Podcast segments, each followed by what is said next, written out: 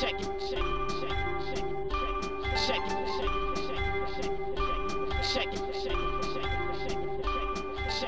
Zapraszamy na kolejny odcinek podcastu Codrive.pl, a w nim nowy kierowca w Alfie Romeo. Guan Yu Zhou będzie jeździł w przyszłym sezonie obok Valteriego Bottasa. Przybliżymy Wam sylwetkę pierwszego Chińczyka w Formule 1. Porównujemy go także z odchodzącym z Alfy Antonio Giovinazzi i zastanawiamy się, co dalej zrobi PKN Orlen razem z Robertem Kubicą. Następnie przechodzimy do bardzo burzliwego weekendu w Brazylii. Analizujemy wszystkie kary i incydenty. Zastanawiamy się także, do czego prowadzi retoryka Mercedesa i Toto Wolfa. Czy tylne skrzydło w mistrzowskim bolidzie jest legalne? Mówimy także o sędziach, którzy przed sobą mają bardzo dużo pracy i bardzo dużo ciężkich decyzji do podjęcia. Klasycznie rozdajemy propsy i disy za ostatnie Grand Prix, a na koniec wyruszamy do Kataru. Zapraszamy! Dzień dobry wszystkim, zapraszamy na kolejny odcinek podcastu Codrive.pl. Aldona Marciniak, Cezary Gutowski, Jasie Kolejniczak. Jesteśmy po Grand Prix Brazylii, które myślę, że wszyscy nie spodziewaliśmy się, że będzie aż tak bardzo emocjonujące, no ale jak wiemy, dużo się wydarzyło przez cały weekend, nie tylko w niedzielę. E, No ale zacznijmy może od tego, co w ogóle się wydarzyło tak naprawdę po tym weekendzie, bo to są chyba jedne z najbardziej wyczekiwanych przez nas wieści. Dotyczą one oczywiście Alfy Romeo i składu kierowców. Zostało potwierdzone, że Guan Yu Będzie drugim kierowcą Alfy Romeo, zasiądzie w bolidzie tuż obok e, Walteriego Bottasa, więc wypadałoby chyba powiedzieć kilka słów o tym chińskim kierowcy. Jest to pierwszy Chińczyk w Formule 1. Nie wiem, czy śledziliście postępy tego młodego kierowcy? Co o nim myślicie w tym momencie? No cóż, jest to przede wszystkim bardzo dobra wiadomość e, dla Formuły 1 i dla Alfa Romeo. Mm, Dla Formuły 1 dlatego, że jest to pierwszy Chińczyk w Formule 1 i gdzieś nawet sprawdzałem sobie w e, internecie. E, Miliard 400 milionów obywateli ma, ma w tym momencie mniej więcej państwo środka i to jest potencjalny rynek e, po prostu dla Formuły 1. Zresztą była wypowiedź Stefana Domenicaliego, czyli CEO całej Formuły 1, że jakie to wielkie szczęście, że ci fani teraz będą mieli swojego kierowcę, któremu będą mogli kibicować. To teraz tylko jeszcze Colton Herta i mamy dwa najważniejsze rynki do podbicia dla Formuły 1 zabezpieczone. Jest to bardzo dobra wiadomość dla Alfy Romeo, dlatego że no, mówi się o tym, że sponsorzy Guangyu Zhou e, chcieli przeznaczyć około 60 milionów dolarów na jego starty w Formule 1 na 3 lata. Potem wyszły wiadomości, że mo- mogą być kwoty rzędu 25 milionów dolarów za sezon startów. Ponadto jest to oczywiście y, potężny rynek zbytu znowu dla Alfy Romeo. Pamiętajmy, że takim pierwszym sygnałem chyba który był nie- niemal potwierdzeniem, było to zdjęcie, ktoś zrobił po prostu przypadkowo, przychodził na ulicę w Szanghaju, gdzie szykowano e, taką, no nie wiem, taką grafikę przed tą wielką szybą taką w, w salonie, na której gratulują pierwszemu chińskiemu kierowcy Formuły 1, Alfa Romeo. Że się tej, w tej Formule 1 znalazł, to jest oczywiście bardzo ważny rynek zbytu dla producentów samochodowych od wielu, wielu lat, więc jest to taka sytuacja mm, win-win. Natomiast ma to jeszcze swój jakiś aspekt sportowy, tak? Czyli trzeba się zastanowić, Jakim kierowcą jest e, Guang Yu Zhou? Czy to jest e, zawodnik, e, no, na którego wielkie sukcesy w Formule 1 można liczyć, czy raczej no, jest to zawodnik, który mm, będzie musiał się jeszcze no, pokazać i poprawić w Formule 1? Moim zdaniem jest to ta druga ewentualność. Prześledziłem jego wyniki w kategoriach juniorskich. Oczywiście fakt jest taki, że dopiero Formuła 1 pokaże, na co stać Guang Yu natomiast no, te wyniki w kategoriach juniorskich, one są pewnego rodzaju sygnałem co do tego, co od kierowców można oczekiwać. I mm, no, patrząc na to, co wykonał Joe, to dotychczas w swojej karierze startów juniorskich w formułach, czyli już po go-kartach, to tylko jeden sezon zakończył na podium. I to był jego pierwszy sezon w e, bolidach jednomiejscowych. To była włoska Formuła 4, czyli taki pierwszy stopień, jeśli chodzi o kierowców, teraz szczególnie modny, o kierowców go-kartów do Formuły 4 przejście to jest taki no, najlepszy, najbardziej naturalny awans. Drugie miejsce z, w startach z ekipą Prema. Włoska ekipa, tak bardzo znana, każdy fan wyścigów duży e, słyszał o tym zespole. Robert Kubica jeździł w Premie przecież w 2003 roku. Teraz Prema to jest od e, wielu lat jeden z najmocniejszych składów w ogóle, jeśli chodzi o wyścigi, czy to Formuły 2, czy Formuła 3, no jest po prostu bardzo mocna. Potem przejeździł trzy sezony w e, Formule 3 Euro. To nie jest do końca ta sama Formuła 3, która teraz jeździ w Formule 1. To była trochę słabsza kategoria, ale wciąż mega dobra kategoria juniorska. I tam mm, pierwszy sezon w Motopark Academy, y, poniekąd znany jednemu fanowi wyścigów polskiemu, dlatego że, że to jest team, który wystawiał, y, który obsługiwał polski Verva Racing Team w Porsche Super Cupie. I tam było jedno 13 miejsce, y, potem ósme i jeszcze raz ósme miejsce w mistrzostwach. 13 w pierwszym sezonie startów z motoparkiem, wówczas dwa podium i potem te dwa ósme znowu z Premą. E, w 2017 roku 5 podium, w 2018 dwa zwycięstwa, w sumie 6 podium i 3 pole position, czyli wyraźna progresja, no ale jeszcze to nie są takie wyniki mm, no, powiedzmy z najwyższej półki. Po, powiedzmy sobie szczerze, Charles Leclerc czy, czy George Russell to są kierowcy, którzy zdobywali mistrzostwa w pierwszych sezonach startów w tych takich najgłówniejszych kategoriach juniorskich, to jest ich taki znak firmowy i teraz w zasadzie Oscar Piastri idzie na tej samej opinii. Oscar Piastri, który jest przecież też młodym kierowcą e, rozwoju młodych talentów ekipy Alpine, a wcześniej Renault, czyli to samo to, co Guangyu Zhou. No i potem Zhou przejeździł trzy sezony w Formule 2, to jest coś, co się kojarzy mi z kolei z Nicolesem Latifi, może jeszcze potem do tego wrócimy. Mm, w pierwszym sezonie 2019 rok 5 e, podium, jedno pole position, w drugim sezonie 6 podium, w tym jedno zwycięstwo i jedno pole position. No i ten sezon Formuły 2 to jest e, ten rok, w którym pieczętuje w zasadzie mm, swoją wartość. To, to w cytatach i z Domenicaliego i z mm, Wassera to się powtarza, bo jak szukasz jakiegoś uzasadnienia, dlaczego wybrałeś takiego kierowca, nie innego i masz ten jakby punkt zahaczenia, to zawsze go przywołujesz. To jest zawsze takie charakterystyczne. Gdyby było wiadomo, że jest to wielki talent, to nie byłoby jakby sensu wspominać o jego sukcesach w niższych kategoriach, każdy by wiedział o co chodzi. No w każdym razie to się podkreśla, że w Formule 2 udowadnia, że może wejść, dlatego że w tym roku jest na drugiej pozycji, przy czym w trzecim sezonie startów przegrywa z Oscarem Piastrim, który jest w pierwszym sezonie startów. Ma na koncie 7 podium, 3 zwycięstwa, jedno pole position. Sezon jeszcze nie jest zakończony, więc to jest dorobek, e, to jest dorobek Os Oscara. E, Guangyu Zhou. A ponieważ się rozgadałem, to teraz przekazuję mikrofon do studia. A propos tego, co powiedziałeś, e, moją uwagę zwracają dwie rzeczy. To znaczy, po pierwsze, a propos programu młodych kierowców. Wspomniałeś o tym, że jest e, w programie Alpine, a więc e, wcześniej Renault. Natomiast to jest drugi program młodych kierowców, w którym on się znajduje, ponieważ do Formuły 3 był w programie młodych kierowców Ferrari, czyli we włoskiej Formule 4 i potem w Formule 3, o której mówiłeś. Był w programie Ferrari, które no, nie zrobiło wszystkiego, żeby go zatrzymać i w 2019 roku przeszedł do Renault, które oczywiście stało się Alpine, które to teraz Alpine o ile nie chciało oddać Piastriego i tak naprawdę to jest też znamienne, że gdy Fred Wasser jest pytany o to, dlaczego Joe, dlaczego Joe, a nie Piastri, to pierwsza odpowiedź jest taka, no Piastri jest związany z Alpine, nie możemy o tym zapominać i tak dalej. E, Joe też jest związany z Alpine, tylko te więzy jakoś nie były takie nieprzerywalne jak te Alpine z Oskarem Piastri. Myślę, że to też mówi o tym, w kim Alpin upatruje swoją przyszłość. Natomiast y, mając świadomość tego wszystkiego, nie należy jeszcze oczywiście skreślać Joe jako kierowcę, który dostał się do Formuły 1 tylko i wyłącznie dzięki paszportowi. Owszem, y, trochę za długo siedzi w tych juniorskich formułach i na tym etapie powinien już y, zdecydowanie więcej, ale są też kierowcy, którzy taką drogę przeszli i w Formule 1 jakoś sobie radzą. Mówię jakoś, bo może nie błyszczą, ale nie każdy tutaj musi być przyszłym mistrzem świata, nie każdy tutaj musi być wielkim talentem. A Joe ma rzeczywiście za sobą coś, czego, czego nie ma nikt inny Chiny. I to jest dla Formuły 1 z punktu widzenia biznesowego wartość absolutnie mm, nie do przecenienia i nie ma się co na to obrażać i nie ma się co dziwić, że takie decyzje są podejmowane, bo bo nie wszystkie decyzje w tym sporcie e, płyną prosto z serca, niektóre płyną z portfela i to jest absolutnie normalne. To jest jeden wielki biznes, a e, Chiny to jest bardzo duży rynek, który jest Formule 1 potrzebny.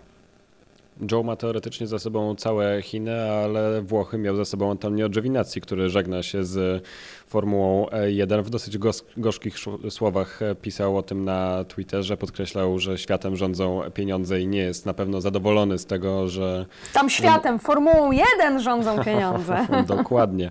Ale no powiedzmy, że spadł na cztery łapy, bo wyląduje w Formule E. Natomiast chciałbym, żebyście porównali tych dwóch e, kierowców. Czy Joe będzie się teoretycznie mógł lepiej spisać niż Antonio, bo chyba na to będzie liczył Sauber. Mm, moim zdaniem Sauber na razie nie ma żadnych wielkich oczekiwań. Tak naprawdę Sauber liczy na płynność przelewów i na to, że będą mieli zawodnika, który no, w pierwszym sezonie startów będzie pokazywał progresję e, i w nadziei, że coś z niego wyjdzie w dalszych latach, ale, ale też mi się wydaje, że tutaj No bo szczerze, bo, znaczy, my, my na, naprawdę umiejętności Joe poznamy dopiero jak będzie do Formuły 1, natomiast no, to nie są jakieś najlepsze referencje, tak? Fakt, że e, był wcześniej w Akademii Ferrari, gdzie można sobie kupić miejsce i większość kierowców, która była w Akademii Ferrari, łącznie z Perezem, to miejsce po prostu miała kupione, czy fakt, że Alpin nie chce oddać Piastriego, że szykuje go na fotel w sezonie 2023, e, natomiast co do Joe mówi, że nie, nie, nie będziemy go blokować, bo tu, tutaj to nie miałoby sensu, przecież po to mamy program młodych kierowców, żeby, żeby tych e, kierowców doprowadzić do Formuły 1, więc jak my nie możemy, to nie mają wejść. I nagle dają faceta, który ma, może mieć za sobą ponad miliard e, widzów, tak, na bardzo ważnym rynku zbytu i do tego jeszcze może wnosić dziesiątki milionów dolarów, dolarów rocznie, tak, z, nim akurat nie mają większego problemu, żeby go przekazać. To nie są za, za dobre e, referencje. Natomiast e, czy zastąpi Giovinazziego?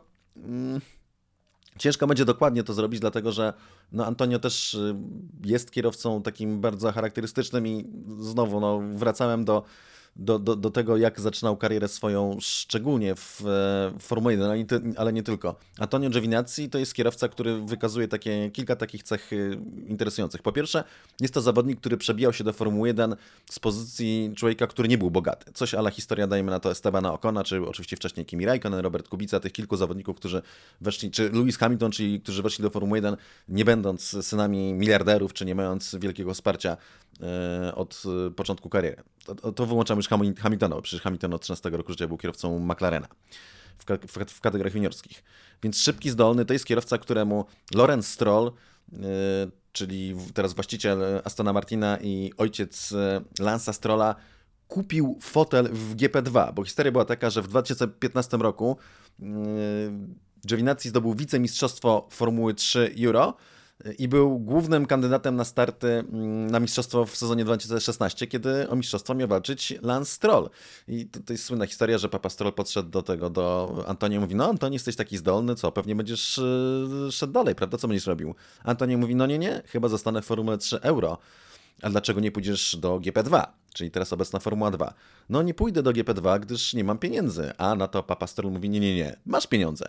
I w ten sposób e, Lance Stroll zdobył mistrzostwo Formuły 3 Euro w sezonie 2016, a w tym samym roku Antonio Giovinazzi zdobył wicemistrzostwo GP2, zresztą z Premą, czyli tak z topowym zespołem e, w, w, no, w tej kategorii tuż przed Formułą 1.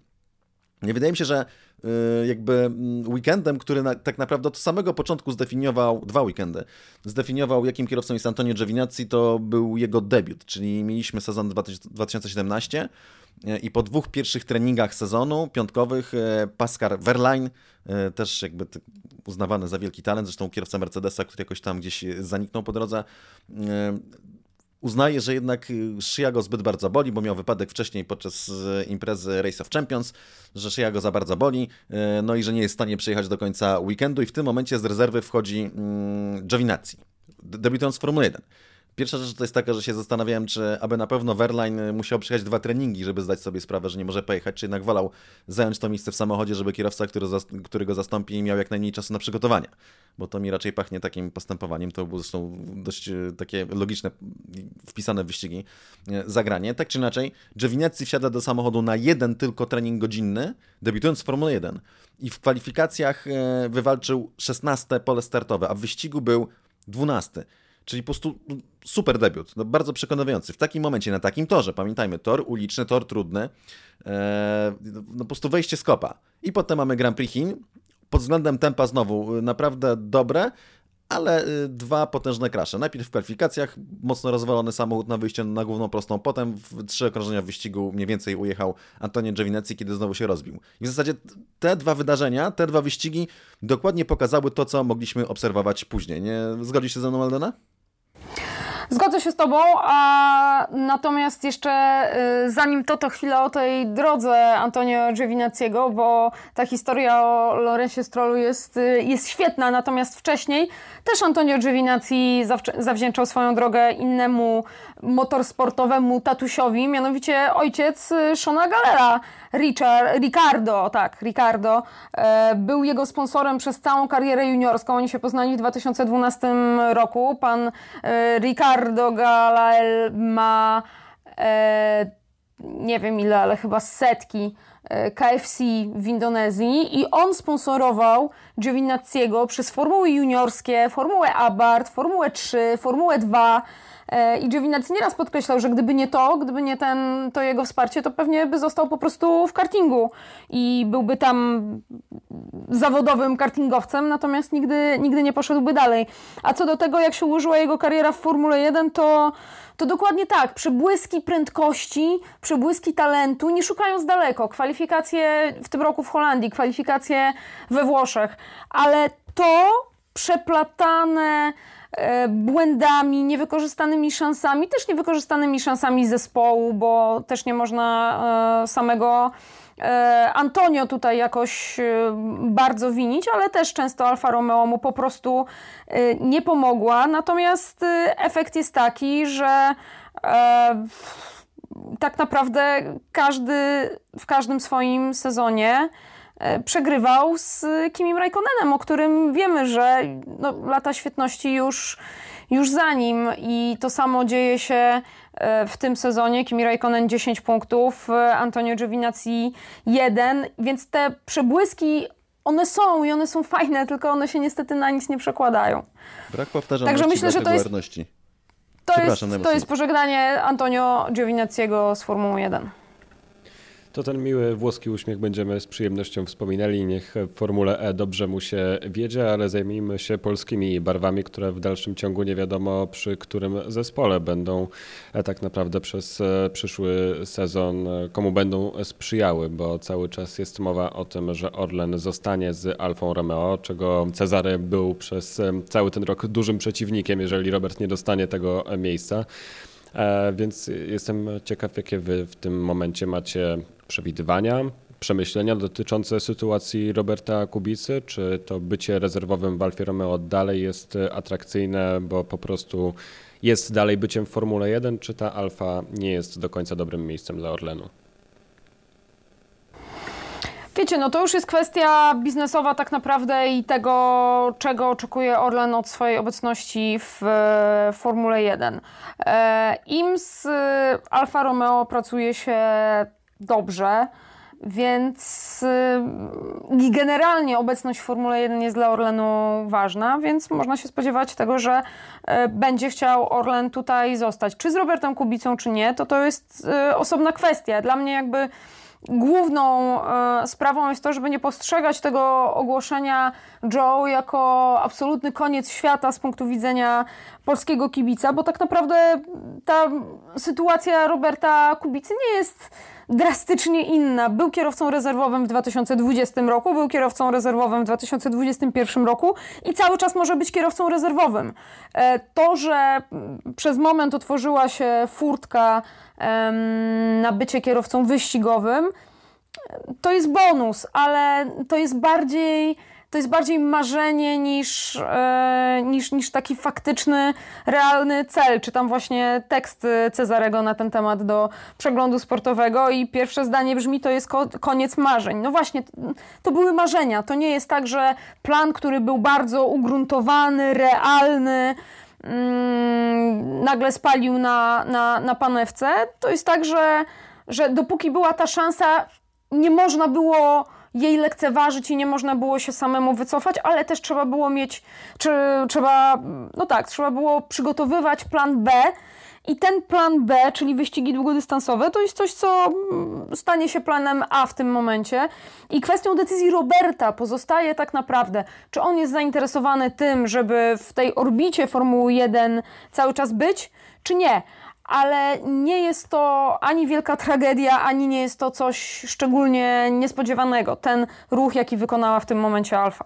Moim zdaniem jeszcze jest jedna rzecz taka kluczowa, że gdyby to marzenie o jeszcze jednym powrocie Roberta do Formuły 1 miało się spełnić, to to, by, to powinno nastąpić w tym roku, nie na zasadzie rezerwy, tak jak się stało, tylko od początku tego sezonu i to, wydaje mi się, że tutaj akurat szef ekipy Fred Wasser od początku grał tylko na jednej skrzypce, czyli po prostu uznał, że Robert jest mu bardzo przydatny w tym miejscu, w którym jest zarówno jako kierowca rezerwowy czy testowy, czy przede wszystkim do komunikacji też bardzo dobra osoba, ale też jako kierowca, za którym e, wchodzi jakiś budżet. Jeżeli to się nie wydarzyło od początku tego sezonu, no to szanse na to, że to się wydarzy w przyszłym roku tylko malały, a sytuacja w Formule 1 zmienia się bardzo dynamicznie, no jednak yy, no, coraz bardziej jeszcze odbiega od tego ideału, że w Formule 1 powinni się ścigać ci kierowcy, którzy są najszybsi, a nawet od tego ideału, że to ideału, od tej prawidłowości, że jak nawet nie są to kierowcy, którzy teraz pokazują najlepszą formę, to są to kierowcy, którzy mają jakiś tam wkład finansowy. Teraz przede wszystkim trzeba mieć wielkie albo ogromne poparcie finansowe, e, ogromne, ogromne, nie wielkie, nie duże. Pamiętajmy, Lorenz Stroll kupił zespół Formuły 1 w dużej części po to, żeby w tym zespole startował syn.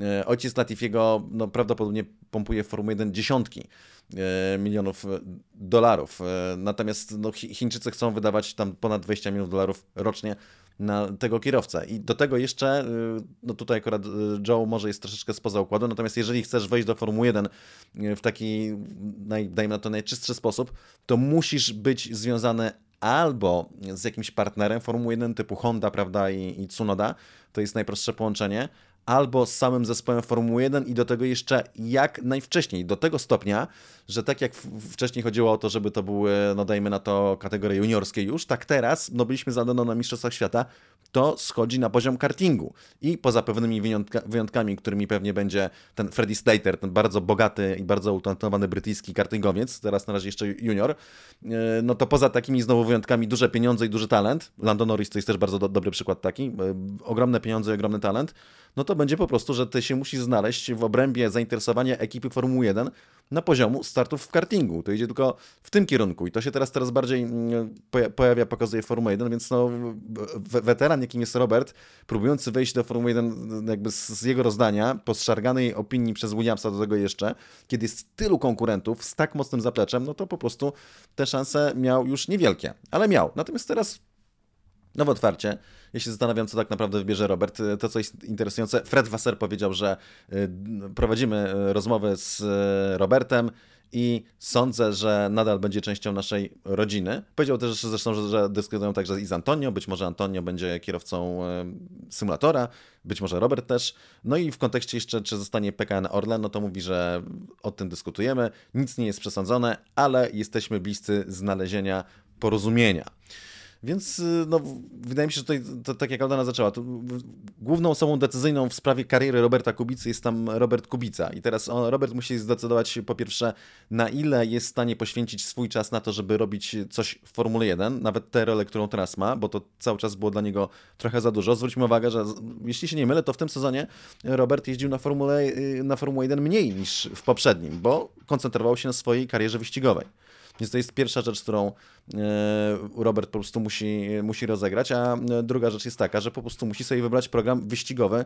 Najprawdopodobniej będą to e, Mistrzostwa Świata, będzie to WEC i tutaj no, mamy zresztą fragmenty wywiadów, rozmawialiśmy o tym szczególnie po wyjeździe do Portugalii, po ostatniej rundzie LMS. Tutaj opcje są różne dla Roberta i wydaje mi się, że z jego punktu widzenia tak naprawdę największym trikiem będzie próba połączenia współpracy z mocnym partnerem, tak, z Orlenem, z partnerem, który bardzo pomógł wrócić do Formuły 1, mm, ze startami w WEC-u w momencie, gdy do dyspozycji mogą być starty w hypercarach, gdzie w hypercarach startują ekipy fabryczne yy, głównie, yy, które zazwyczaj mają już swoich partnerów olejowych. Więc yy, czy da się zrobić to tak, żeby kontynuować tę karierę Roberta i starty, a Robert podkreśla, że on chce się ścigać, tak, i nie, nie tak, że a Robert, a chciałby się ścigać, no chciałbym, tylko on sam mówi, wychodzi, że ja chcę się ścigać, więc połączenie tego chce się ścigać na najwyższym możliwym poziomie, z tym, żeby to robić także no, nie tylko w barwach polskich, ale także z y, polskim partnerem. Albo ewentualnie właśnie, co też podczas naszej rozmowy w Portugalii Robert nie wykluczał, powiedział, że jest też możliwe, że nasze drogi się rozejdą, że, że tak poradzimy sobie bez siebie, spokojnie.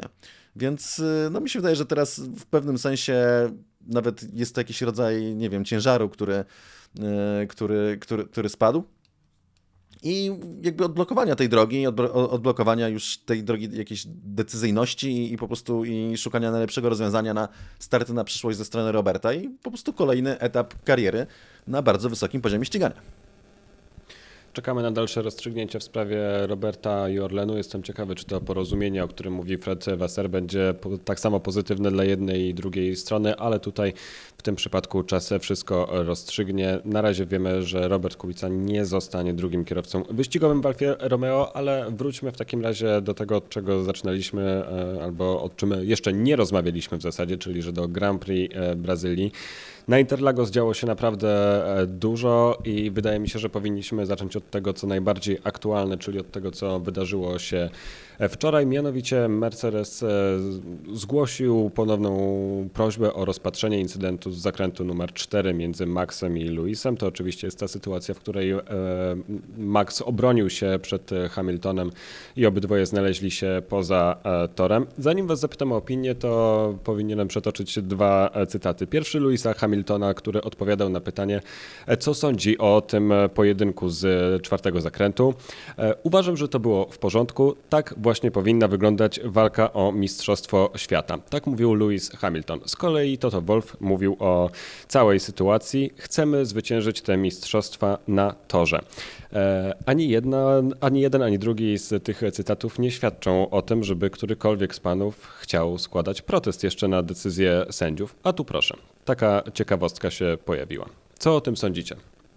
No przede wszystkim myślę, że jest to szczyt hipokryzji no, ze strony Mercedesa, ale to jest o czym rozmawiamy od, od długiego czasu tutaj, tak, i wskazujemy tak naszym słuchaczom te wszystkie momenty, kiedy z jednej strony pokazujemy się, że jesteśmy tacy cool i fajni, a z drugiej strony robimy rzeczy, które zupełnie temu nie licują.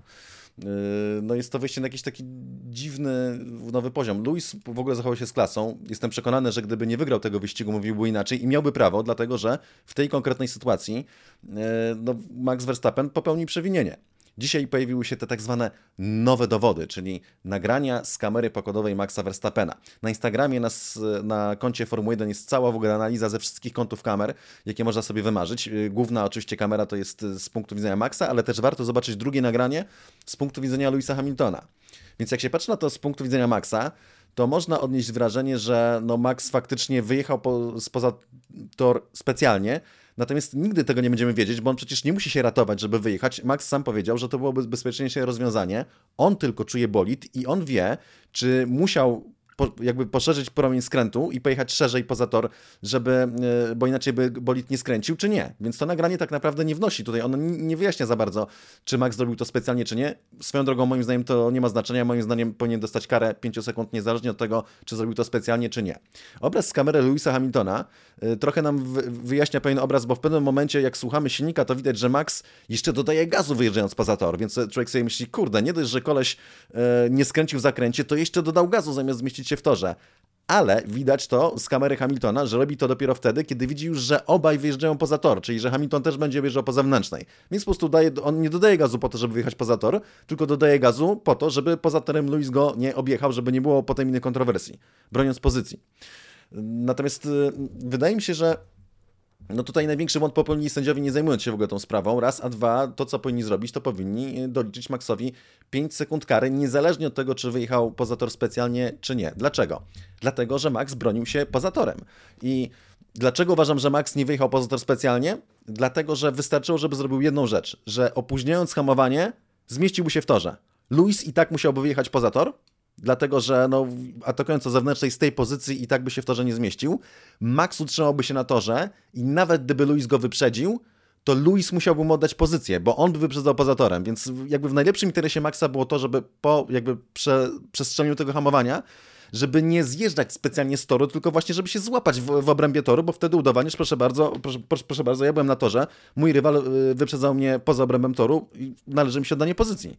Więc to by było absolutnie w, w, w, interesie Maxa, żeby się utrzymać, więc jestem przekonany, że nie zrobił tego specjalnie, co nie zmienia faktu, że podczas wyścigu powinien był dostać karę 5 sekund, co być może zaważałoby też trochę na wyniku tego wyścigu, bo tam jest jeszcze jeden niuans, że przecież 3 sekundy za Maxem wyścig ukończył Valtteri Bottas, co oznacza, że jeśli teraz po wyścigu, co uważam jest niedopuszczalne już, jeżeli po wyścigu Max dostanie 5 sekund kary, no to w ten czas y, na drugie miejsce awansuje Bottas, Max spadnie na trzecie miejsce i jego przewaga w mistrzostwach zamiast 14 punktów będzie wynosiła punktów, jeśli dobrze liczę, 11, prawda? No bo to jest y, utrata trzech oczek. Tak więc to się wszystko roztacza mm, jakby o takie niuanse i, i, tak jak o ile uważam, że sędziowie popełnili błąd i powinni dać karę Maxowi w trakcie wyścigu, o tyle, kiedy już ten wynik wyścigu jest usankcjonowany, to nie powinni nic zmieniać. To będzie skandal, jeżeli oni w tym momencie dadzą karę. Jeszcze ktoś słusznie zauważył, że to się wyrównuje, że było mnóstwo sytuacji, naprawdę dużo, w których i Luisowi uchodziły różne rzeczy na sucho, i Mercedesowi uchodziły na sucho. Mnie osobiście najbardziej w tej sytuacji... Mm, nie wiem, czy oburza to może złe słowo, bo to takie, takie o, oburza, to, to nie, nie, nie chodzi o to, ale to jest po prostu bardzo niesmaczne yy, cała retoryka Toto Wolfa, zresztą nie tylko wokół tej sprawy i w ogóle Mercedesa, czyli z jednej strony walimy y, sobie tutaj na Twitterze komunikat, że my tutaj łaskawie, bohatersko nie będziemy apelować w sprawie dyskwalifikacji, dyskwalifikacji, której no, on, ona była po prostu absolutnie konieczna, tak? To tam, tam nie było żadnej linii, linii, obrony, o tym też za chwilę porozmawiamy, ale oni łaskawie nie będą apelowali i oni piszą, że oni będą walczyć o tytuły na torze. I potem y, następnego dnia po wyścigu, y, nie, przepraszam, dwa dni po wyścigu takie numery. Przecież to jest po prostu, to jest bardzo niesmaczne. Tak czy inaczej, e, przekonamy się tak naprawdę w Katarze, czy coś z tego będzie, czy nie, ponieważ wtedy przedstawiciele zespołów spotkają się z sędziami, żeby, żeby to omówić. Red Bull jest zdziwiony. To jest generalnie typowa sytuacja, w której e, patrzymy na te same kreski, tylko że jeden widzi piękną kobietę w, w kapeluszu, a drugi widzi starą wiedźmę ponieważ y, Mercedes uznał ten y, onboard Maxa Verstappena za y, dowód w ich sprawie, ponieważ przyznają, że właśnie to wideo jest tym nowym dowodem, o, które oni o, o który oni się opierają, żeby móc formalnie E, chcieć od e, sędziów e, ponownego rozpatrzenia tej sprawy. Natomiast Red Bull, patrząc na to, jest zdziwiony, bo ich zdaniem z tego onboardu wina Maxa Verstappena nie wynika. Więc wszyscy patrzymy na to samo, każdy widzi co innego. Sędziowie teraz będą mieli twardy orzech do zgryzienia, natomiast zgadzam się z Cezarem, to trochę tak jak jeżeli nie podyktowałeś rzutu karnego w meczu, to nawet jak się okaże, że E, przekonasz się, powiedzą ci w przerwie na ucho, że zrobiłeś źle, to nie będziesz w drugiej połowie dyktował specjalnie karnego dla drugiej ekipy, żeby to wyrównać. No, ten błąd już został popełniony, trudno, trzeba z tym żyć, natomiast nie jest to dobre, że w tak zaciętej walce o Mistrzostwo Świata rozmawiamy o sędziach i sędziowaniu, bo akurat argument Toto Wolfa, że to sędziowanie nie jest konsekwentne, e, szczególnie w odwołaniu na przykład do Austrii, gdzie przecież kary e, sypały się jedna po drugiej pięciosekundówki za walkę właśnie, która się odbywała przy wyjeździe poza, poza tor, to tutaj akurat Toto Wolf ma święte, świętą rację, natomiast też no, niestety ze smutkiem to przyznaję, nie odkrywamy Ameryki. To to jest, e, to jest problem, który jest od dawna i jest cały czas niekonsekwencja w sędziowaniu. Słuchajcie, to disujmy dalej e, sędziów, bo jest jeszcze jedna kwestia w całej tej sprawie wokół Luisa i Maxa. Jakim cudem sędziowie dopiero po wyścigu dostali materiały z kamery Maxa Verstappena? Wydaje mi się to wręcz nierealne, bo cały świat, który korzysta z F1 TV, może sobie dowolnego kierowcę włączyć i to jeszcze z kilku różnych ujęć, a sędziowie, którzy są tam na miejscu, nie mają dostępu do materiału wideo z jednego z bolidów. No wydaje mi się to trochę śmieszne. Najwyraźniej nie wykupili yy, abonamentu. Subskrypcji. Nie, słuchajcie, ta kamera jest przełączana faktycznie. E, ten, to, to, to ujęcie jest czasami naprzód, czasami na tył. I tutaj tak się złożyło, że akurat w momencie, w którym wyjeżdżali poza tor, to kamera została przełączona na tył. E, I natomiast oczywiście ja się co do zasady zgadzam się z tobą, że jest trochę półśmieszne, że sędziowie podejmując tak ważne decyzje, przyznają, że oni się opierają na tym, co zobaczyli w telewizji, na tym, co zobaczyliśmy my, wszyscy. No to wow, brawo nie pierwszy raz. To, to było na początku tego sezonu, czy, po, nie, czy poprzedniego chyba w Austrii, że przyznali karę Hamiltonowi w niedzielę rano za to, że nie zwolnił na żółtej fladze, mówiąc, że nie widział, a potem dopiero z obrazka, z kamery pokładowej wyszło i to się w, w social mediach się ukazało, wyszło na to, że jednak było widać tę żółtą flagę. Tak więc to nie jest pierwszy raz. Oni po prostu nie, nie mają jeszcze takich zdolności przesyłowych, żeby przesyłać na bieżąco y, ca, ca, cały obraz równocześnie z kamery 360 stopni. Dopiero po ściągnięciu materiałów z pokładu bolidów można było te zdjęcia przeanalizować. Natomiast wracając jeszcze do tej dyskusji, z mojego punktu widzenia, ja wiem, że on jest inny niż większości ekspertów, y, łącznie nawet z Martinem Brandl, czyli byłem kierowcą Formuły 1, wyśmienitym ekspertem brytyjskim, komentatorem. Ja uważam, dla mnie nie ma, jakby nie jest istotne, czy Max Verstappen specjalnie wyjechał poza tor, broniąc się przed Lewisem Hamiltonem, czy niespecjalnie. Dla mnie istotne jest to, że bronił się poza torem, że wywiózł rywala poza tor i dzięki temu obronił pozycję na torze, więc szczerze nie wiem dlaczego, może wy mi wytłumaczycie, dlaczego to by była jakaś miała, to jest jakaś różnica, czy zrobił to specjalnie, czy niespecjalnie. Szczerze mówiąc, tutaj e, z, zgodzę się z Tobą, że to, czy zrobił to specjalnie, czy niespecjalnie, to tak naprawdę nie robi żadnej różnicy. Ja bym tutaj kary również nie podyktował tylko i wyłącznie z tego względu, że tak naprawdę to Max był przed Luisem w momencie, w którym wjeżdżali w zakręt to Max dyktował linię wyścigową i obydwaj kierowcy skończyli poza torem, co ty powtarzasz, że nie można patrzeć na to, jakie konsekwencje to za sobą niosło, ale to jest dosyć istotne, że ani jeden, ani drugi kierowca tak naprawdę na tym ani nie stracił, ani nie, nie zyskał, bo finalnie dalej oba bolidy były na torze i to z niedużą e, stratą, więc e, ja No ale wiesz, z drugiej zostanę... czy z trzeciej strony fakt, że Max obronił pozycję jest zyskiem. Jest tak, zyskiem, ale co więcej... w dalszym ciągu bym został przy tym, że to było po prostu ściganie i tutaj się zgadzam z Christianem Hornerem. Let them race, po prostu. Okej, okay, ja rozumiem twoje, nie będę cię przekonywał się kłócił, dlatego że każdy ma prawo do swojej opinii. No to ja mówię, ja bym dał Maxowi 5 sekund, ale rozumiem też tę politykę let them race. To, co mi się nie podobało w tej obronie Maxa, to było to, że po pierwsze, że nie, nie zmieścił się w torze, bo gdyby się zmieścił w torze, no to w ten czas yy, po prostu by nie było problemu, chyba że nie zmieścił się w torze, bo wiedział, że gdyby zahamował na tyle wcześniej, żeby się w torze zmieścić, to Luis byłby ciągle trochę z przodu, bo nie, Luis przez długi czas dojeżdżając do pierwszego zakrętu miał trochę przewagi bolidu. I że gdyby Luis był trochę z przodu i on by go wywiózł z toru, to wówczas by mu kazali oddać pozycję. I to się jakby rozbija takie niuanse w ułamków sekund. Tak czy inaczej, no, czy karę mu powinni przyznać, czy nie powinni przyznać, trzeba było podjąć decyzję w tamtym momencie yy, i zmiana tej decyzji, zmiana wyniku po zakończeniu wyścigu, moim zdaniem byłaby ogromnym błędem. Tu świetny przykład Aldony z piłką nożną. Takich rzeczy po prostu się nie robi. To już się stało, wyniki są zamknięte i powinniśmy patrzeć w przyszłość i walczyć o mistrzostwo na torze, jak to obiecują tutaj nasi bohaterowie i liderzy opinii. No właśnie, więc może do tej, e, do człowieka, który wypowiedział te słowa, warto by jeszcze się zwrócić. To to Wolf bardzo mm, był wzburzony po całym tym weekendzie. E, mówił, że myślę, że otrzymaliśmy bardzo dużo uderzeń w twarz podczas tego e, weekendu i decyzje, które decyzje mogły zapaść zarówno w jedną, jak i w drugą e, stronę przeciwko albo dla nas. Toto Wolf też mówi o tym, że zawsze byłem bardzo dyplomatyczny i dyskutowałem o różnych rzeczach, ale dyplomacja się dzisiaj zakończyła. To a propos wszystkich tych sytuacji związanych z wydarzeniami z tego weekendu. To w takim razie co się zmieni w Mercedesie, skoro dyplomacja się e, zakończyła? Czy mafia jakaś zostanie uruchomiona i decyzje będą podejmowane z pistoletem przy głowie?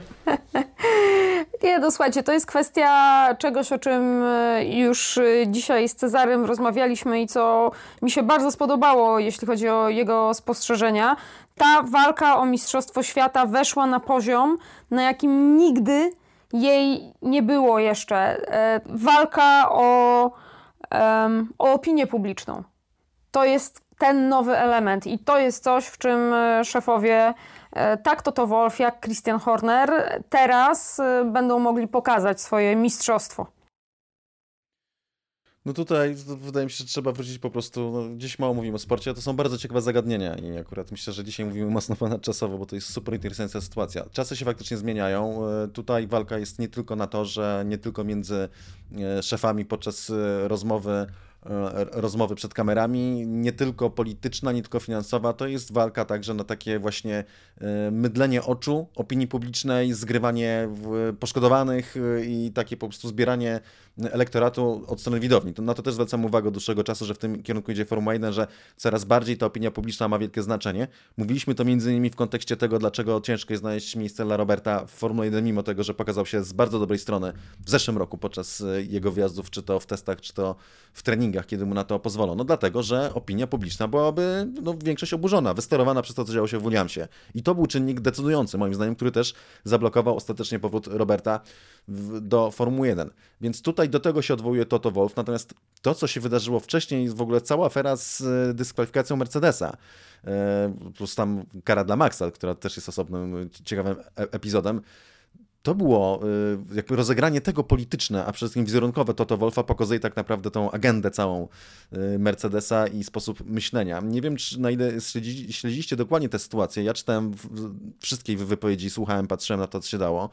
I podczas tej dyskusji, znaczy zacznijmy od tego, Lewis Hamilton został, e, no nie Lewis, bolid Lewisa Hamiltona nie przeszedł kontroli technicznej. Tam się wkłada taki specjalny próbnik e, w szparę systemu DRS, w szczelinę, przepraszam, szpara to chyba ten, nie technicznie i być może nawet trochę erotycznie.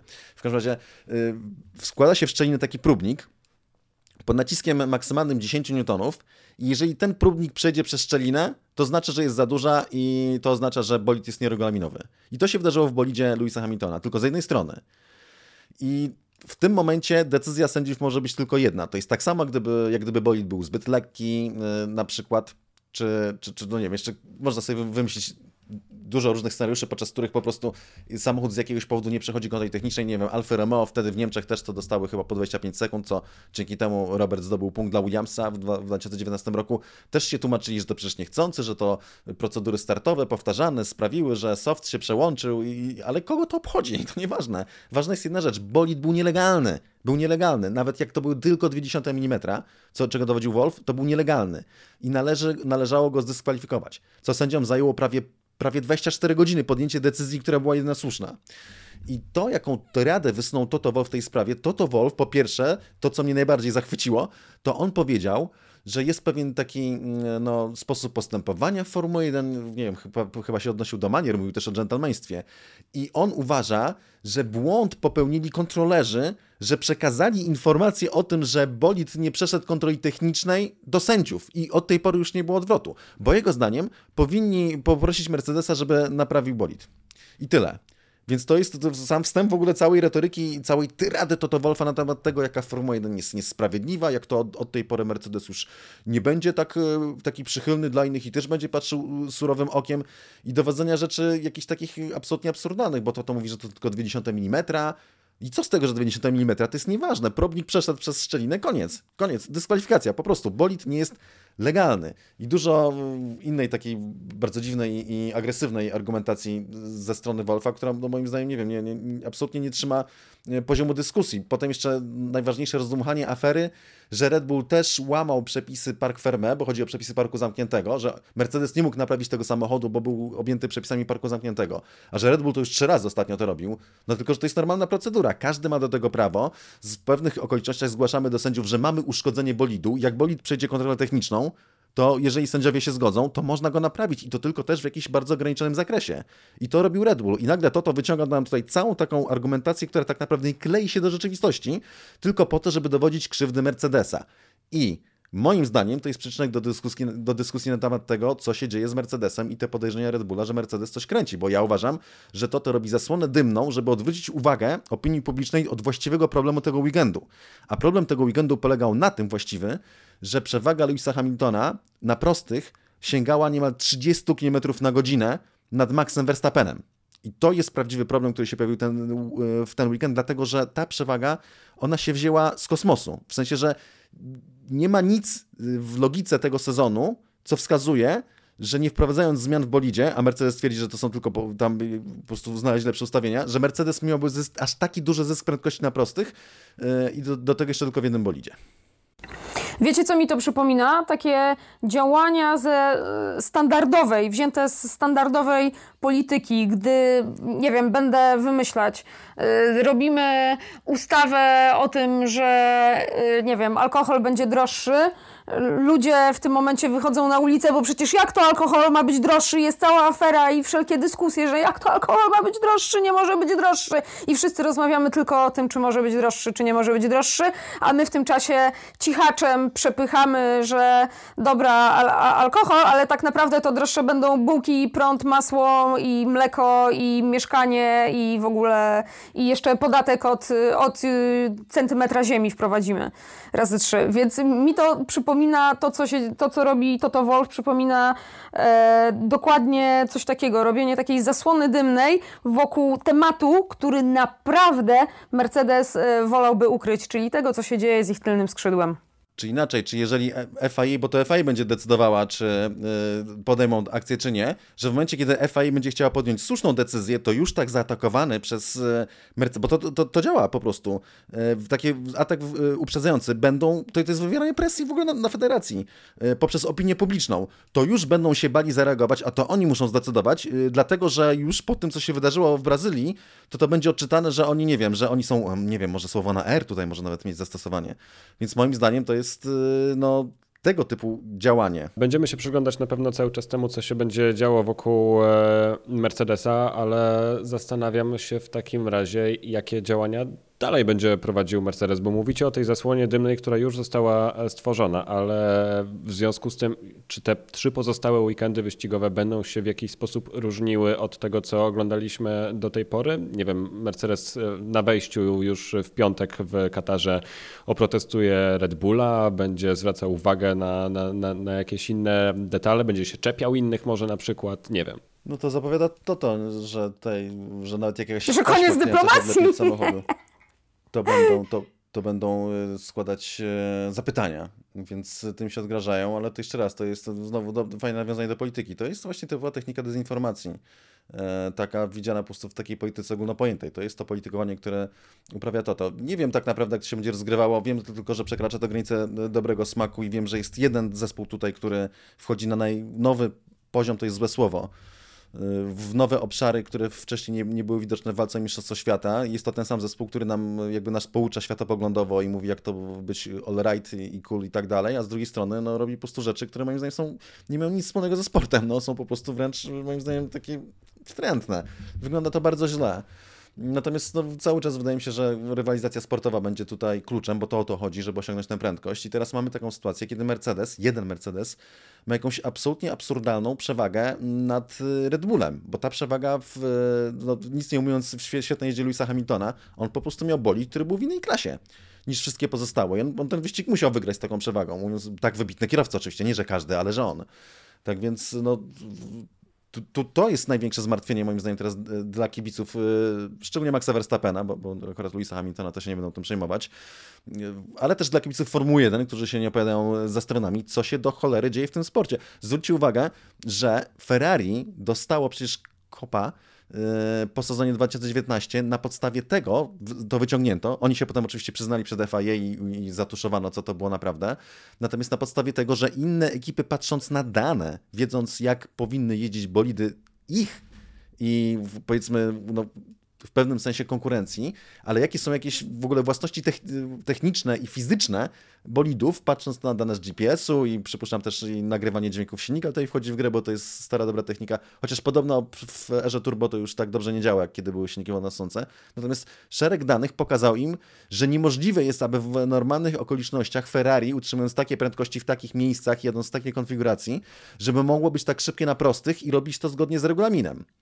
I ten skok nie był aż tak duży, jak to, co zrobił teraz Mercedes, bo moimi, nie wiem, czy widzieliście tę statystykę, ale przeciętna przewaga Mercedesa nad Red Bullem w tempie kwalifikacyjnym y, rzędu 40 sekundy została przekroczona o pół sekundy. Nagle Lewis Hamilton miał 9 dych tak z kapelusza. Jeszcze pół sekundy zyskał y, w bolidzie, który teoretycznie przecież się nie zmienił.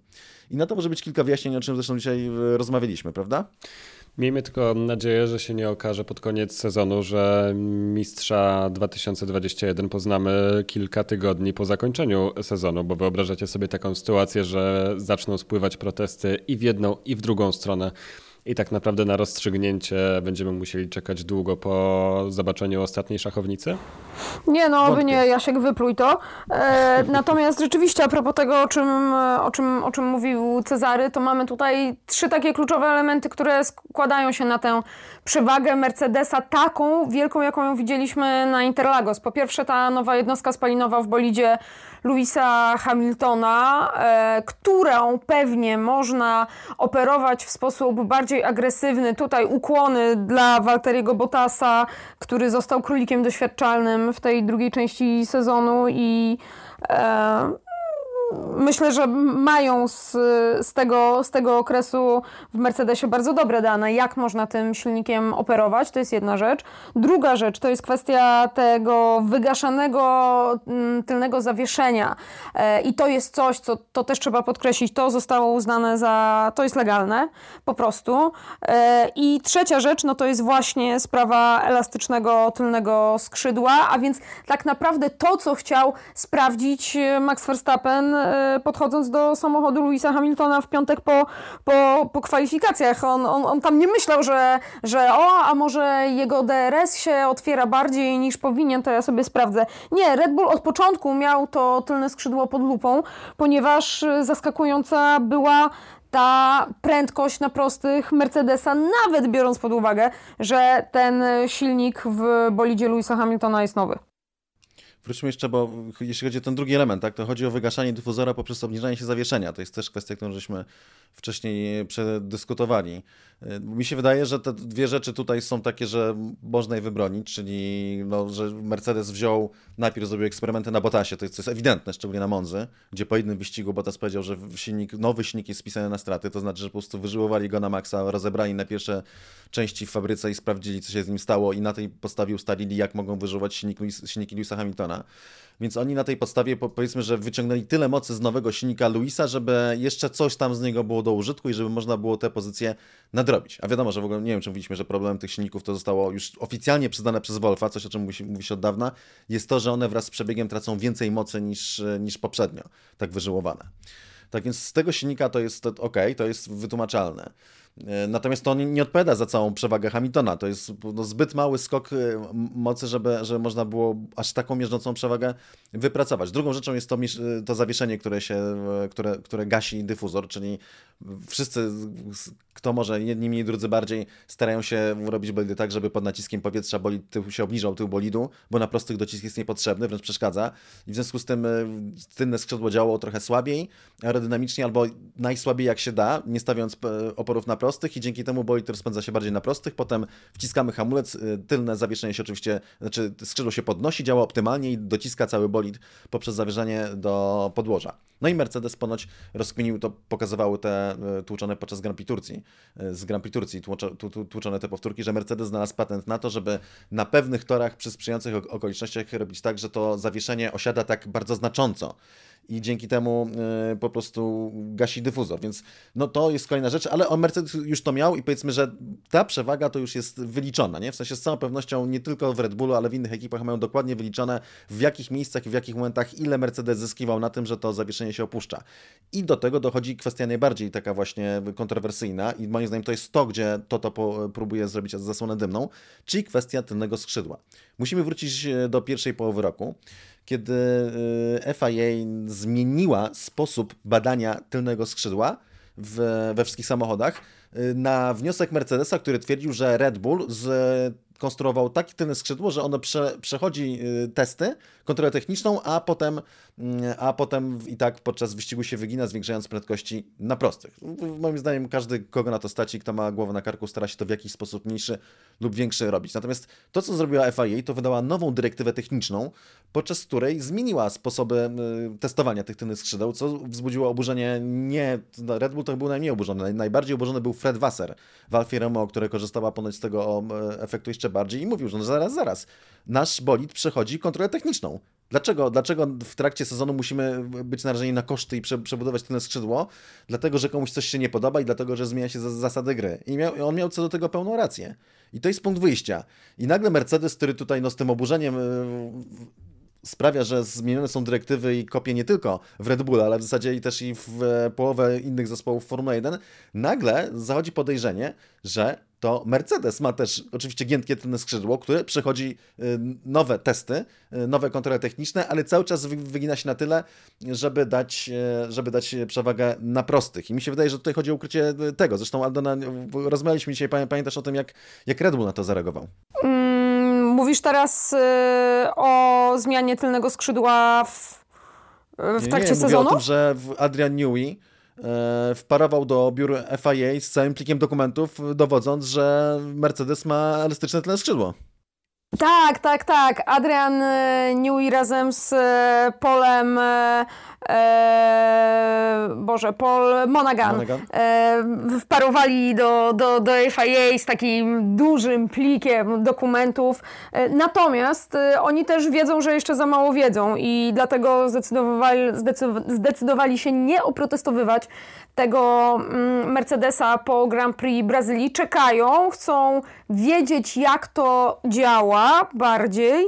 No i wtedy mm, prawdopodobnie zaatakują jeszcze raz. W każdym razie tej, tej sprawy jeszcze Red Bull nie odpuścił i przypuszczam, że jeżeli tylko znajdą cokolwiek, za co będą mogli złapać Mercedesa, to nie odpuszczą na pewno.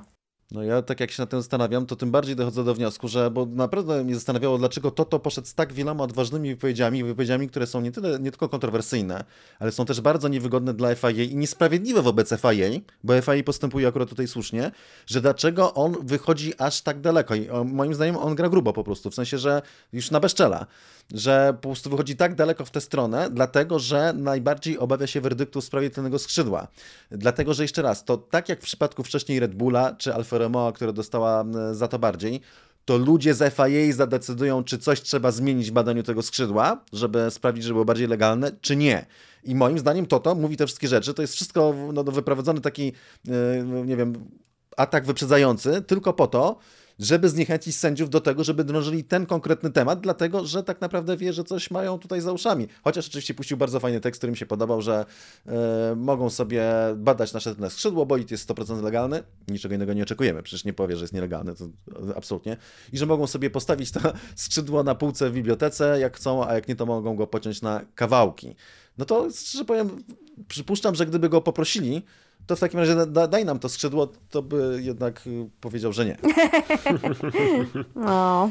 Myślicie, że tymi wszystkimi wypowiedziami to to jednak bardziej podjudził sędziów, czy ich przestraszył? Bo tak y, się y, oscylujemy wokół tego, że z jednej strony zrobił bardzo dużo hałasu, a z drugiej, że trochę chce odgonić od, od pewnego obszaru. Więc zastanawiam się, jak FIA teraz będzie patrzyło na wszelkie protesty przeciwko Mercedesowi. Dobre pytanie i tak naprawdę mm, wiesz, tr trudno na to odpowiedzieć. No, no, to, co zrobili sędziowie w e, piątek, w sobotę właściwie, dyskwalifikując Louisa Hamiltona, może być e, uznane za argument za tym, że sędziowie tutaj się nie boją i, i będą e, decydować nam sprawiedliwie, zgodnie ze swoim sumieniem, przepisami i tak. Natomiast z drugiej strony, dlaczego czekaliśmy 24 godziny na decyzję, która powinna być zero-jedynkowa i oczywista i prosta, od razu, już. E, więc y, nie wiem, nie chciałabym być w ich skórze, bo na pewno są pod ogromną, ale to ogromną presją w tej chwili. Tak, i to nie jest jakby kwestia tego jednego momentu, to jest kwestia całej polityki, całej dynamiki układów między zespołami, szefami a FIA i także między nimi a właścicielem praw komercyjnych. Za czasów Berniego Toto zostałby uciszony dawno temu w wielu innych kwestiach i zrobiłby to nie tylko Bernie, ale zrobiłby to także FIA. A teraz wydaje mi się, że rząd nie chce się w to za bardzo pchać, jako prezydent jest na końcu kadencji, nie będzie już więcej prezydentem i być może jest tak, że po prostu brakuje w federacji jakiejś osoby, jakiegoś takiego lidera, który będzie podejmował jednoznaczne decyzje, nawet jeżeli nie w tej konkretnej sprawie, to, to jednak w takiej, że słuchajcie, musimy coś z tym zrobić, musimy to naprawić, albo najważniejsza, nie możemy sobie na to pozwolić. Że tak, nikt nie powinien się tak wypowiadać w kierunku FIA, naszej organizacji, podważać naszych decyzji w ten sposób, to, to się w ogóle od tego zaczyna. Więc to jest taka rozgrywka nie tutaj tylko w tym momencie, że nagle Toto wyskakuje z nową bronią, tylko to to jakby zaostrzył atak i poszedł już maksymalnie w daną strategię w grze, która trwa od dłuższego czasu. I tutaj faktycznie to wszystko zależy od od tego, czy znajdzie się tam ktoś, moim zdaniem, nie? Bo, bo to jest trochę jak mefrował wyrok, ale ja tam uważam, że nie ma cudów w wyścigach, że skądś ta duża przewaga Louisa Hamiltona się wzięła i to nie jest do końca y, z duchem przepisów i co więcej, moim zdaniem właśnie zachowanie Mercedesa i to to przede wszystkim pokazuje, że oni to starają się zakryć, więc czy znajdzie się ktoś, kto będzie miał wystarczająco duże jaja i przy tym wystarczająco dużą decyzyjność, żeby walnąć pięścią w stół i powiedzieć, panowie, my tu rządzimy, bo to się trochę chyba zagubiło. E, no kiedyś FIA, szczególnie za czasów Maxa Mosleya, no, była bardziej apodyktyczna i co prawda jest to bardzo krytykowane i miało wiele takich no powiedzmy ciemniejszych stron, ale jednak w kwestii takiej, tak jak teraz, zarządzania konfliktem tak naprawdę, bo to jest zarządzanie konfliktem, no to, no to sprawdzało się doskonale i tego bardzo teraz w Formule 1 brakuje i trzeba patrzeć z niepokojem, dlatego że moim zdaniem, jeżeli FIA nic nie zrobi, to do końca sezonu y, Lewis Hamilton wygra, będzie wygrywał wyścigi.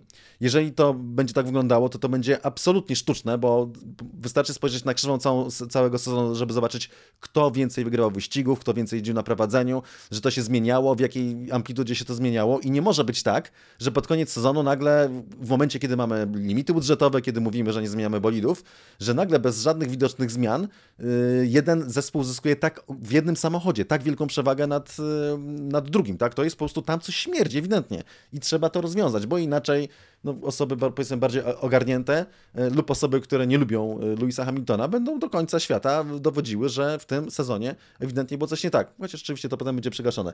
Wiecie jeszcze o czym To dodajmy tylko, że A, no. Przepraszam bardzo, i chciałam tylko dodać szybko, że dodajmy, że w tym sezonie Lewis Hamilton nie wygrał ani razu trzech wyścigów z rzędu. Co więcej, Mercedes nie wygrał ani razu trzech wyścigów z rzędu.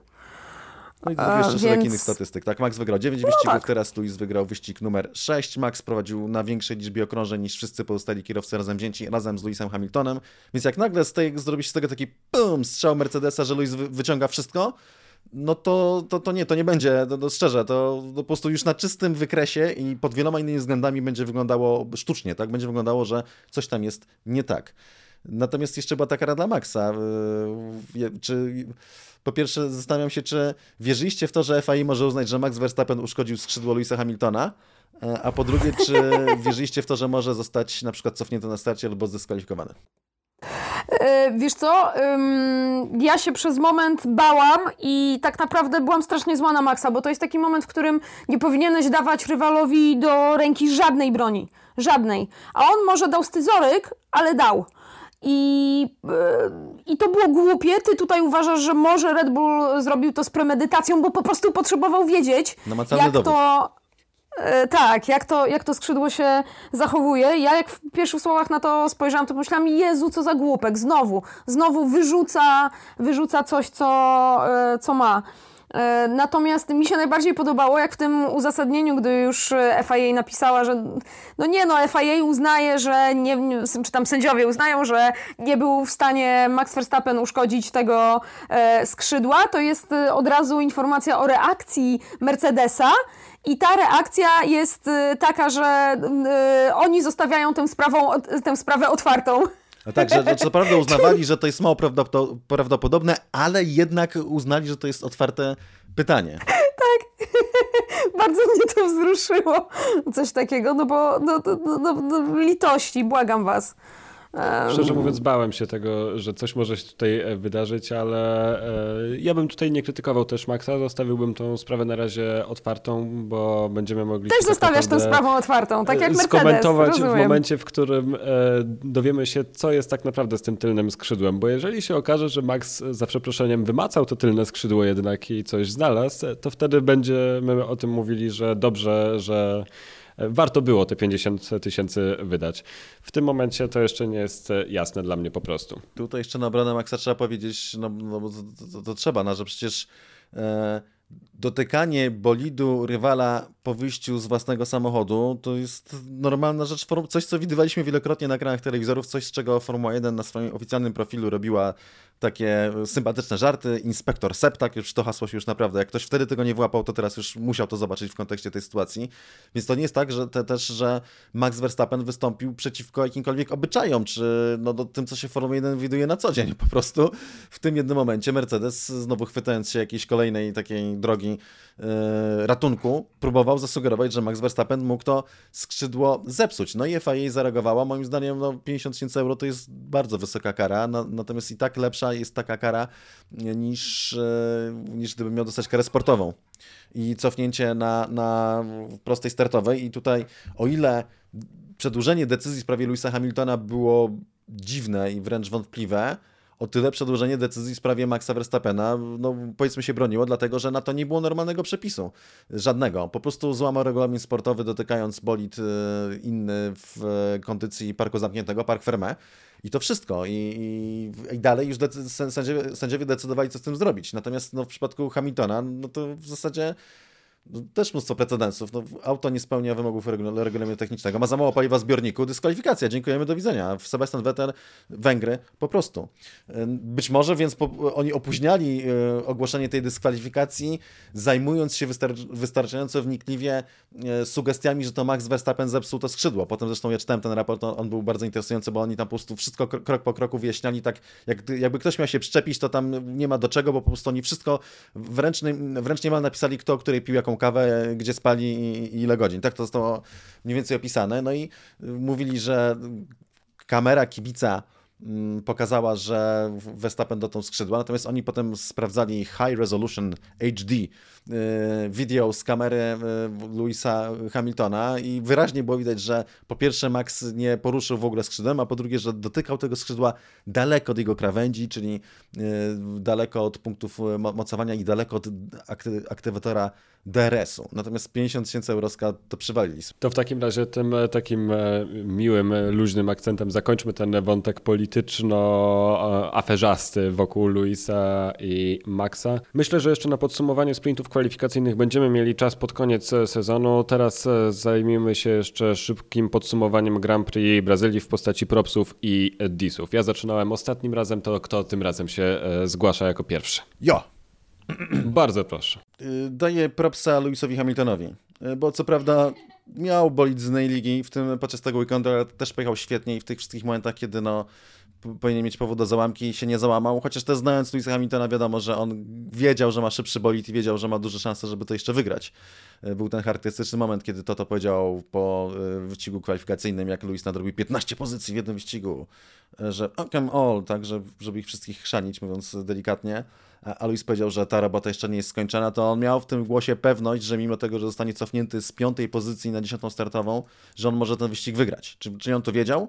Więc miał przynajmniej, on, Luis zawsze, jak wie, że ma szybki boli, to jest w świetnej kondycji psychicznej, jak wie, że ma gorsze, to wtedy się rozsypuje, szczególnie w komunikacji. Tak więc, e, no generalnie po prostu mega dobry, e, dobrze pojechany wyścig, dwa wyścigi, nawet jeśli, nawet jeśli miał bolid z innej ligi, zasługuje to na ogromne uznanie. Mój props idzie do Alpin za fenomenalną grę zespołową, aż śmiesznie to momentami wyglądało, jak e, chłopaki robili naprawdę wszystko, żeby e, walczyć z Pierem Gaslim, dawali sobie nawzajem DRS, e, zmieniali linię jazdy, ale doskonałe to było, myślę, że oni też się dobrze bawili, szkoda wprawdzie, że tę walkę przegrali, ale pokazali jak razem można przynajmniej próbować walczyć z bolidem, który jest ewidentnie szybszy. Ode mnie z kolei props idzie do Maxa Verstappena, który jechał bardzo dobry wyścig i zrobił prawdopodobnie wszystko, co mógł, aby dojechać przynajmniej na tej drugiej pozycji. Disy, Cezary. No masz, bo, bo, Jasiek, no, muszę cię zmartwić, ale, ale to, to, będzie Lando. Nie Lando, ale to też bez jakiegoś wielkiego czepiania, dlatego że każdy kierowca popełnia błędy, a jeżeli masz za sobą jakby tyle świetnych występów, jakie ma Lando, to to jest taka pierdoła, ale myślę sobie, że ten, tak dla urozmaicenia Lando, bo jednak ten manewr na Sańcu był y, zakończony dość niezdarnie. Sam atak mi się podobał, bo mimo tego, że był spychany przez Sańca poza krawędź toru de facto, poza którą wyjechał dwoma kołami, nie odpuścił go, wyprzedził, to było fajne, natomiast to jak szybko zaczął ścinać do środka zakrętu, znaczy nawet nie do zakrętu, do środka prostej, sprawiło, że no, najechał na skrzydło, tak, na, na samochód Sańca, uszkodził oponę i przez to zaprzepaścił, zaprzepaścił jeszcze lepszy występ niż ten jeden punkt. Cezary, nie wiem, czy Jaszka zmartwiłeś, ale mnie zmartwiłeś, bo mi zabrałeś mojego Disa, ale szczęśliwie jest w Formule 1 Yuki Tsunoda. E, to jest mój Dis. E, wiecie co, jak patrzyłam na to, co on, co on zrobił z Gaslim, to... E, Boże, nie z Gaslim, tylko ze Strolem, to jedno, ale co, jak on reaguje na te wydarzenia na torze, to sprawia, że ja mam wrażenie, że on przepraszam bardzo, ale że jest mało inteligentny, że on po prostu nie roz... albo, albo, cofam to, albo że on nie rozumie do końca cały czas ścigania. Z całym jego doświadczeniem, które nie jest duże, to by ta druga wersja mi, mi, mi tutaj bardziej, bardziej pasuje. On po prostu nie do końca wie, co się dzieje, bo bo jego reakcje, tak, jego reakcje świadczą o tym, że że jest wiecznie zdziwiony, wiecznie zaskoczony, wiecznie inni popełniają błędy. E, wiecie, że wtedy, gdy, gdy um, uważam, że nie popełnił błędu, na przykład w Meksyku, to też o tym mówię i też o tym rozmawialiśmy, ale tutaj to jest po prostu dziecko we mgle. Yuki Tsunoda. I cały czas, a jesteśmy z Bogiem po 19 wyścigach sezonu. Szczerze mówiąc, ja nie wiem, kim powinienem zamknąć tę część naszego dzisiejszego odcinka. Powiedzmy, niech będzie to Mick Schumacher, który dał się wyprzedzić Nikicie Mazepinowi. Swoją drogą bardzo ładny manewr ze strony Nikity. Nie wiem, czy oglądaliście te powtórki, ale Nikita naprawdę zaimponował. No to ja wam teraz coś dorzucę tutaj do przemyślenia w tych dwóch e, sytuacjach, dlatego że e, to była dość podobna sytuacja do tej z Tsunodą i ze Strollem, tylko że y, Stroll zamknął drzwi pod koniec zakrętu, y, a Właśnie. Mick Schumacher zostawił miejsce.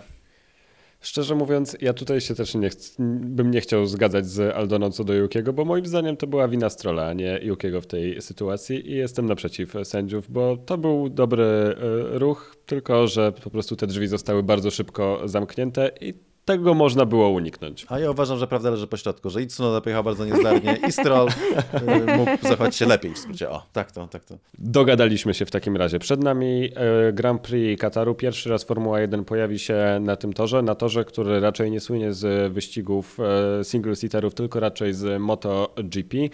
Dużo różnych wzniesień, zjazdów i szybkich zakrętów. Czego w takim razie możemy się spodziewać po najbliższym weekendzie? Moim zdaniem, patrząc na, logik, na logikę sezonu, e, no z jednej strony Mercedes totalnie zmiażdżył wszystkich w Barcelonie, a to jest jednak podobny typ toru. Barcelona też tak, na, tak naprawdę tor pod motocykle, też tor z dużą sekwencją szybkich zakrętów, natomiast Losail ma ich więcej. Losail jest trochę bardziej jak pierwszy sektor w Stanach Zjednoczonych i bardzo mało wolnych miejsc. A pierwszy sektor w Stanach Zjednoczonych, podobnie jak wiele innych sektorów aerodynamicznych, należał do Red Bulla.